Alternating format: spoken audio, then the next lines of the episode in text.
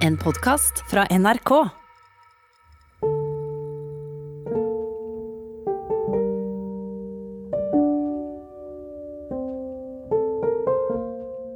Vi forlot Ari midt i et anfall av panikkangst i forrige episode. Han hadde problemer med øret og med søvnen, og plutselig hadde han fått det for seg at han var i ferd med å dø. Ebba torde ikke å være aleine med ham, og derfor kjørte hun ham hjem. Ikke til det tomme huset hans i Lommedalen, men til moren og faren, Marianne og Olav, i Moss. Men nå skal vi slippe den delen av historien litt. Nå skal vi bli kjent med den unge Ari, den eldste sønnen i en litt annerledes familie. Ari ble født i Århus i Danmark, men så flytta den lille familien videre til England. De parkerte bobilen på et høydedrag utafor Plymouth, og der, i Plymouth, fikk han en søster, en søster som bare var 16 måneder yngre enn ham, og som skulle bli Aris nærmeste venn. Anja het hun. Dette er den tredje delen av fortellingen om Ari. Jeg heter Joakim Førsund.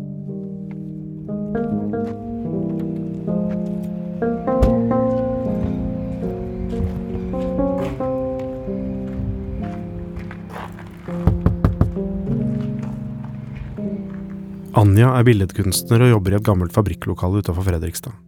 Verkstedet hennes er ganske lite, men de gamle vinduene er store.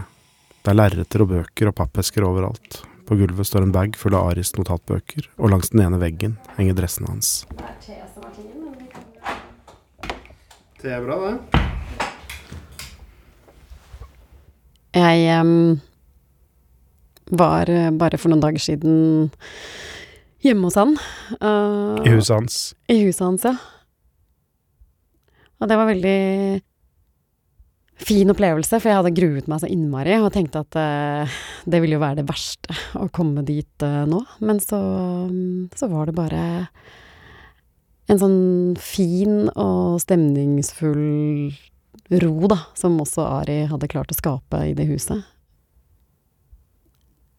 Jeg tok med meg da eh, et par dresser og noen skjorter, og disse, den ene dressen her, da, det er den som er faktisk en av de siste dressene han, eh, han kjøpte, som eh, er sånn fin fløyelsdress. Eh, og, så, og så er det disse skissebøkene som jeg ønsker å gå gjennom og se.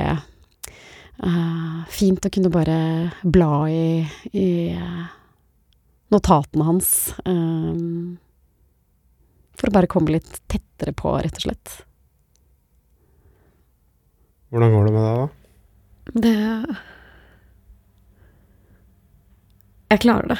Men eh, av og til denne stillheten, da. Og dette enorme savnet etter å snakke med han. Vi hadde et så utrolig sterkt bånd, da. Han og jeg. Og Tom han var det næreste jeg hadde. Og det å gå denne veien alene uten han Jeg leste i går i Inferno.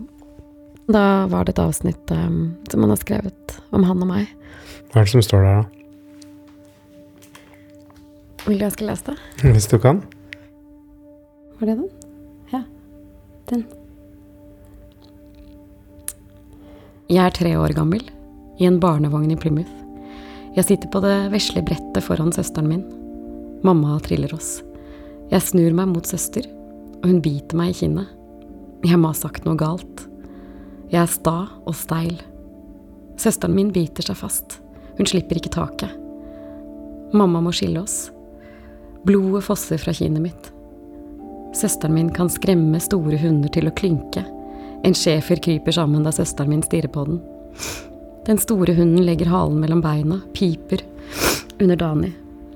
Jeg elsker søsteren min høyest av alle. Hun er 16 måneder yngre enn meg. Vi er tett forbundet.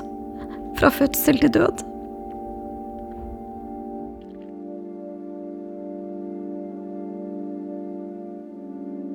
Hva er ditt første minne han? Hva er det første du husker? Det aller første minnet, eh, det er hvor Ari og jeg står ute i eh, min farmors hage. Hun har sånn fantastisk eh, rosebusk. Det var en hekk rundt hele den hagen. eh, Så var ganske sånn kraftig grønn hekk, sånn at det var liksom også skjermet Det sto en høy stige opp til mønet der. Og så var liksom Ari i ferd med å gå opp denne stigen, og da var vi jo veldig små. Og da kan jeg tenke meg at kanskje jeg Jeg tror ikke jeg var mer enn kanskje tre, liksom. Ja. Og hvor han er ganske, ganske modig, da. Hva skulle han opp den stigen å gjøre, da? Jeg tror egentlig at han øh, Han så liksom en mulighet. Kanskje, kanskje det var liksom for å komme over hekken og se utover. Han ønsket å utforske ting. Og liksom gå oppover langs denne stigen, plutselig se verden fra et annet perspektiv. Og det tror jeg han likte veldig godt. Det var i sommerferien at Ari klatra i farmorens stige, etter at den lille familien kom hjem fra Plymouth, og før de flytta videre til Sør-Troms. Faren Olav ville prøve lykken som fisker, og de slo seg ned i Lavangen, en liten plass bosatt av fiskere og sjøsamer, langt inne i en trang fjord, øst for Harstad og vest for grensa til Sverige. Så da flyttet vi liksom tilbake til nord, eh, hvor de begge fikk jobber. Pappa begynte med lofotfiske, eh, og moren min da som lærer eh, på en skole der. Det er jo et bitte, bitte lite tettsted med liksom høye fjell Eh, ganske sånn spektakulært eh, nordlandsk landskap med, med mm, havet og høye fjell. Eh, så jeg husker liksom at vi var liksom mye liksom oppe i disse fjellene, og så ned til vannet, da. Hvor vi både lekte Han og jeg, Ari og jeg sammen, og også med disse kompisene våre. Hva het de? Um, Ken Arve, husker jeg. Um, og så husker jeg det var en som het Heidi. Um, og en som het hun, Det var også et søskenpar, Heidi og Gro. Um, nå kommer jeg til å tenke på faktisk at um, Heidi døde jo når vi var ute og lekte. Det, det, det er lenge siden jeg har tenkt på. Um, skjedde? Vi var ute og sparket eh, på sånne gamle sparkstøttinger. Um, det, det, fikk vi jo lov til. Um, men så hadde vi nok da beveget oss ut på en trafikkert vei som ikke var helt greit. Uh, da var det liksom Heidi og Gro uh, og Ari og jeg, hvor da disse eldre søsknene sparket oss. Um, og hvor Ari og jeg er liksom bak Heidi og Gro, og så kommer det da en møtende bil, og så blir de da truffet. Jeg husker bare at hun at, at, hun falt av, at dette var liksom, og, og, at det var At det kom selvfølgelig masse mennesker veldig, veldig fort. Og hun liggende der, da. Um, og så husker jeg liksom Ari og jeg ble stående helt sånn forferdet bak. Og så var, ble hun hentet med et helikopter. Og vi fikk da vite senere at hun døde da på sykehuset, da.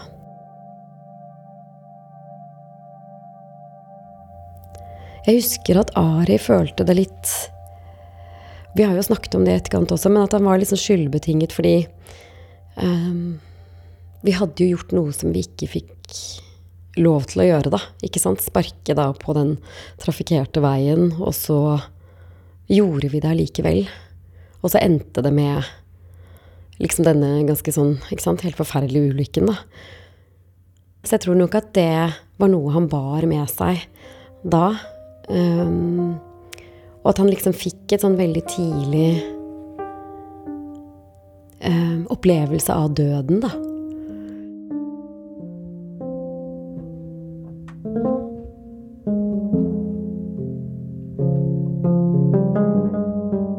Familien flytta sørover, hadde Ari og Anja fått en lillebror. Espen het han. Og det var nå de omsider skulle bli østfoldinger. Det var nå det omreisende tivoliet slo seg til ro. De kjøpte et stort, gammelt hus ved hovedveien i Rygge sør for Moss, og Marianne og Olav tok initiativ til etableringa av en lokal steinerskole. Det var et kjempegammelt eh, hus som lå helt ved riksveien. Selv om det lå liksom helt inntil veien, så var det et gårdsrom eh, med utedo først. Eh, før vi da fikk innlagt vann, for det var heller ikke innlagt vann der. Og så var det ofte at jeg vekket Ari hvis jeg skulle på do på natten. så vekket Ari. Og så gikk vi over tunet, og akkurat det øyeblikket hvor vi satt der og dingla og uh, Ja, et sånt fint, lykkelig øyeblikk. Pappa, pappa var lærer, også på Steinskolen. Og så husker jeg at Ari og jeg måtte ta bussen alene. Men det husker jeg som veldig fint, da. Å sitte liksom på den bussen og dingle. Og, da, og husker allerede da at Ari snakket med alle. Jeg kan huske at han um, ofte startet kanskje med et kompliment, da. Eller kunne bare si ok, i dag er du veldig fin på håret, eller kule sko, eller fine øredobber. Hvor gamle var dere da? Nei, vi var jo ikke mer enn Vi var jo ikke da mer enn eh, fem som cirka, da. Det var jo liksom de første, første da jeg gikk i barnehagen og han begynte på skolen. Det er jo helt sprøtt at vi var så små. Det var liksom noe som bare Ari var.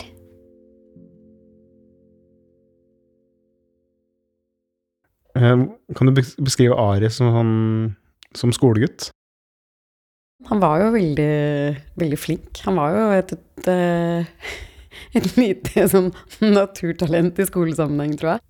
Han gjorde alltid liksom, leksene veldig flittig, lyttet til stoffet, var liksom alltid veldig sånn nysgjerrig. Jeg husker at han kom hjem og, og snakket om eh, hva de hadde lært på skolen og sånn.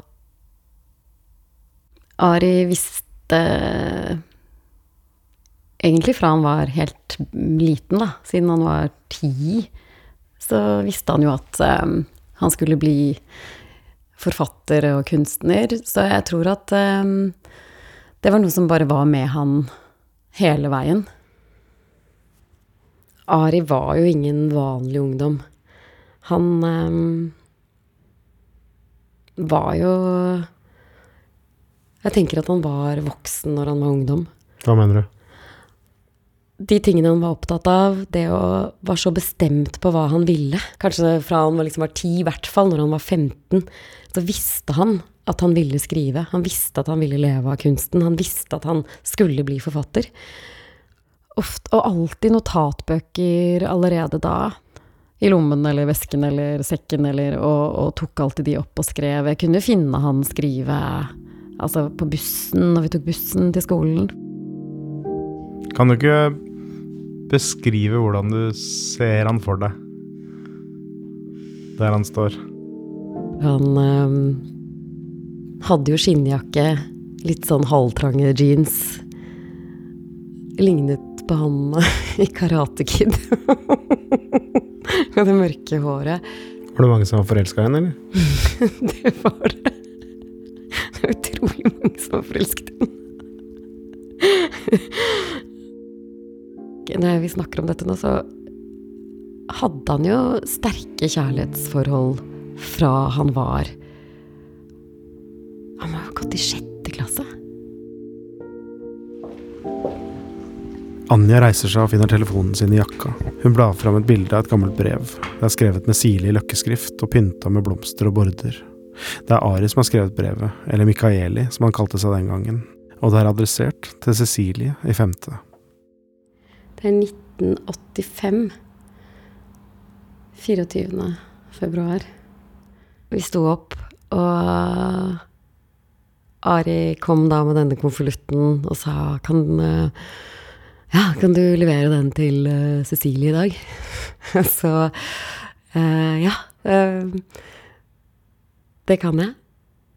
Så tok jeg den med, og jeg husker at det var et litt sånn viktig oppdrag, da.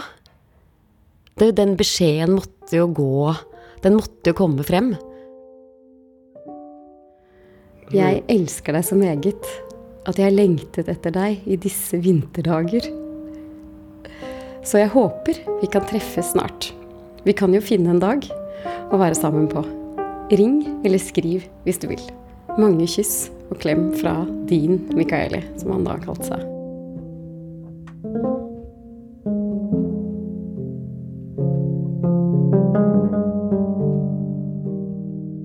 Kan høres ut som disse brevene er skrevet av en gammel mann, men Ari gikk på barneskolen. Han gikk rundt i skolegården med fyllepenn og notatblokk og trodde fullt og helt på den store kjærligheten. Derfor var det så opprivende, sier Anja, det som skjedde hjemme, like oppunder jul, da Ari var ti år gammel. Det var jo julen. Da var jo jeg bare åtte. Og Ari var eh, nesten ti, og Espen var tre år. Og så skjedde det at eh, mamma tenkte at nå som alle var samlet, så kunne på en måte alle få vite det samtidig.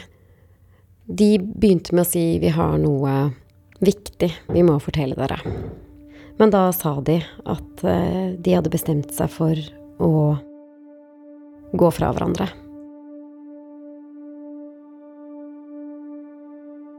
Ari reagerte veldig sterkt på det. Jeg husker at han at han ble bare veldig redd.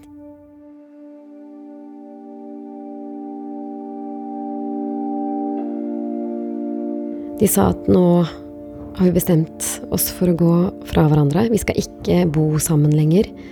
Mm. Vi skal skilles. Og jeg tror ikke jeg med en gang forsto hva det innebar, da. Det var jo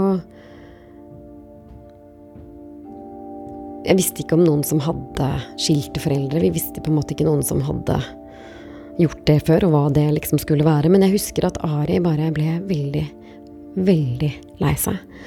Um, og så gikk Ari og jeg fra bordet.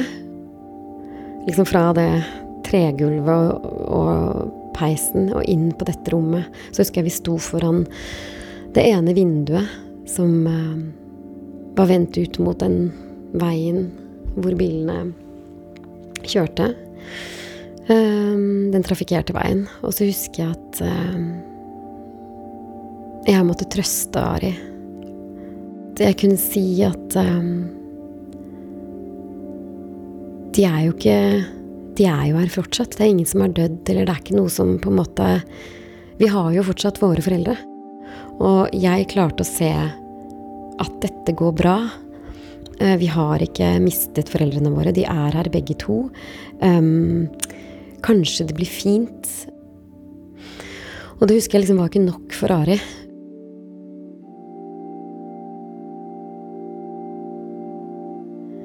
Fra å liksom være den storebroren som tålte alt, og som alltid på en måte beskyttet meg, så, så skjønte jeg at han At han også liksom kunne bli så ulykkelig, og at han kanskje ikke opplevde at ting kunne endres til å bli bra igjen, da. Og i det øyeblikket hvor jeg måtte trøste han, da husker jeg at jeg skjønte at jeg måtte um, Liksom passe på han, da. Um, For alltid? ja. Hvorfor skjønte du det?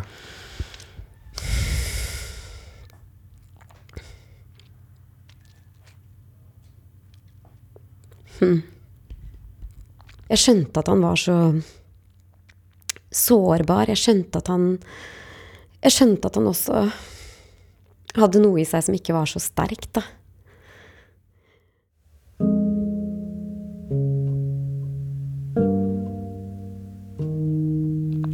Jeg var alltid veldig redd for at det skulle skje noe. Fra den dagen. Og at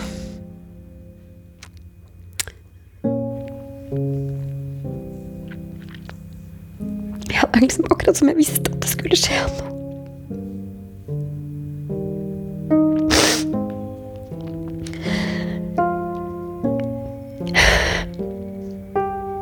Men jeg visste jo ikke hva.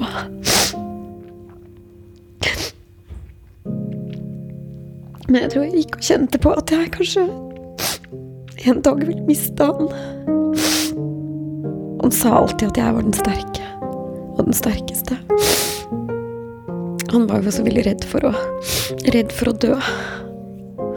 Det var han alltid.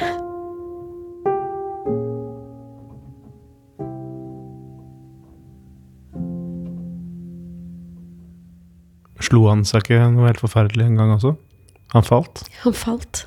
Mm. Hva skjedde? Da var vi ute på, på sommerstedet på Hvaler. Og der var vi alltid hver sommer og, med masse barn og voksne. Og um, så hadde vi Vi hadde sånne Alltid når vi var små, så hadde vi sånne leker som vi gjorde. Blant annet da, så var det, hadde vi sirkus hvert eneste år. Og da trente vi på um, Da hadde vi liksom ulike roller inn i dette sirkuset. Og den sommeren så um, var Ari og jeg akrobater. Da var vi da dette berømte akrobatiske paret, søskenparet, i da Sirkus Arnardo. Men så var vi oppe i et tre, et ganske høyt tre, et sånt stort kirsebærtre med en sånn ganske sånn kraftig gren ut, som var helt sånn perfekt, et sånn eh, svingstangaktig eh, gren, som da eh, var liksom akkurat passe tykk, sånn at hånd, hendene våre på en måte kunne liksom gli fint rundt det, samtidig som det liksom var så eh, var sånn, hadde, At det tålte oss, da. Vi hadde sånne flotte drakter. Jeg hadde liksom sånn badedrakten, min fineste badedrakten på meg. Eh, og jeg husker at eh, Ari også, utrolig flott antrukket. når han hadde liksom en eh, en skjorte og vest. Han hadde, gikk alltid i en sånn rød vest og så skulle vi liksom ha et sånt fantastisk Hvor vi skulle svinge oss rundt, for så å slippe taket. Og liksom lande sånn elegant på gresset. I en sånn posisjon. Uh, vi hadde liksom hver vår posisjon, og så hadde vi sånn et lite avsluttende nummer der. Men så skjedde det at etter at vi hadde øvd og øvd, og øvd så hadde vi jo på en måte barken Den hadde jo blitt liksom ganske glattslipt, for vi hadde jo liksom øvd så mye. Og så husker jeg at Ari plutselig bare var i farten. Så husker jeg at han bare falt rett ned. På ryggen. Og så ble han bare liggende helt stille. Var du oppe i treet? Ja, da hang jeg fremdeles i armene. Og så bare husker jeg at jeg bare ble hengende i det treet. Med han liggende på bakken. Og det var jo, det var jo ganske høyt. Men Så ble han bare liggende helt stille, da. Og beveget ingenting. Og ingen fikk liv i han.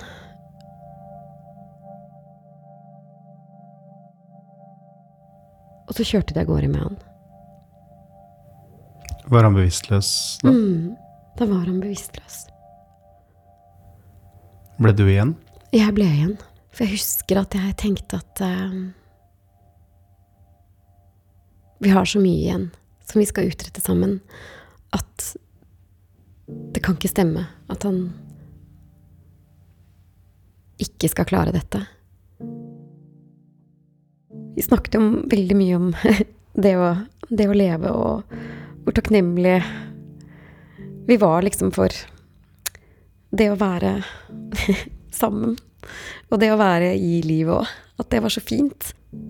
Fordi han var så opptatt av å være liksom så fysisk og psykisk sterk, da. Og det snakket vi masse om, og da husker jeg at han sa hvis han Hvis han ble liksom skadet på noe vis, eller han Hvilken sans kunne du tenkt deg å liksom mistet først? Husker vi snakket ofte om er det liksom luktesans, eller hvilken Er det hørsel, eller er det synet?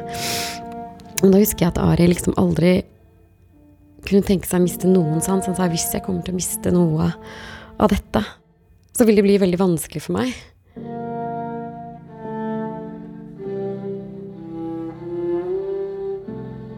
Når de kom tilbake fra sykehuset, kjørende i bilen, den samme bilen som de hadde kjørt ut, da sitter Ari oppreist i setet bak i bilen. Gjennom vinduet liksom smilte litt sånn matt, men at han i hvert fall smilte, da. Jeg husker at han Det første han spurte om, var at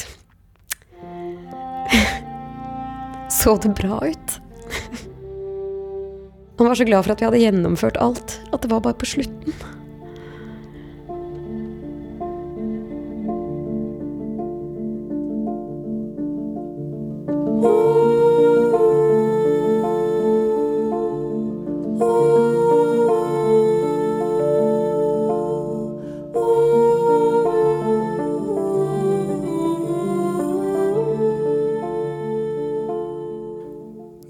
Tredje del av denne fortellinga om Ari. I den neste vender vi tilbake til den voksne Ari som har vært på sjukehuset i Østfold sammen med kjæresten sin Ebba. En kjæreste han inntil videre holder skjult for offentligheten.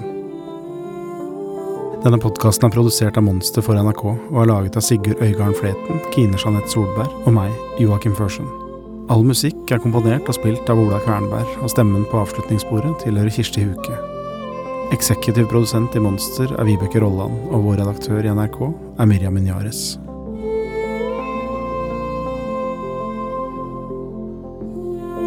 Hvis du har behov for noen å prate med om mental helse, ring 116 123.